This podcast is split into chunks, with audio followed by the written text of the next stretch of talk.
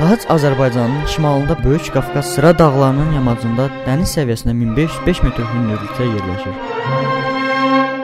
Lahaç Girdiman çayının sahilində yerləşməklə Bavadağ və Niyal dağ silsilələri ilə əhatə olunur. Belə bir coğrafi məkan qədim zamanlarda Lahacın xarici təsirlərindən, basqınlardan yaxşı müdafiə olunması üçün imkan yaradır.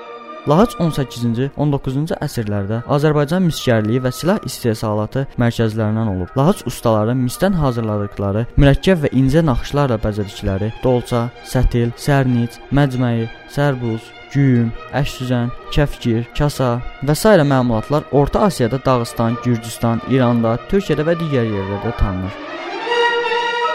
1980-cı ildə muzey quruluğa çevrilmiş Lahacdan Şəhərdə yadigar qalan məhəllə məscidlər, su kəmərləri və kanalizasiyalar Girdiman qalası qayğı ilə qorunur.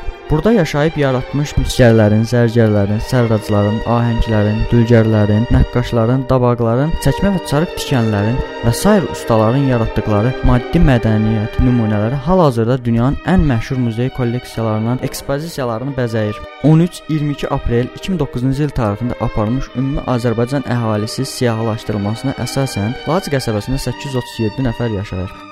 Laç qəsəbəsinin ən möhtəşəm abidəsi Girdiman rayonunda 72 otaq 3 mərtəbəli Hacı Paşa evidir. Bu ev 18-ci əsrin ortalarında 14 il müddətinə Lahıcın memarlıq üslubunda bütün komponentləri nəzərə alınaraq inşa olunub. Bu binanı Lahıcın cəmaəti Hacılar həyəti də adlandırır. Hacı Paşa evi dövlət tərəfindən qorunan abidələr siyahısına daxil edilir.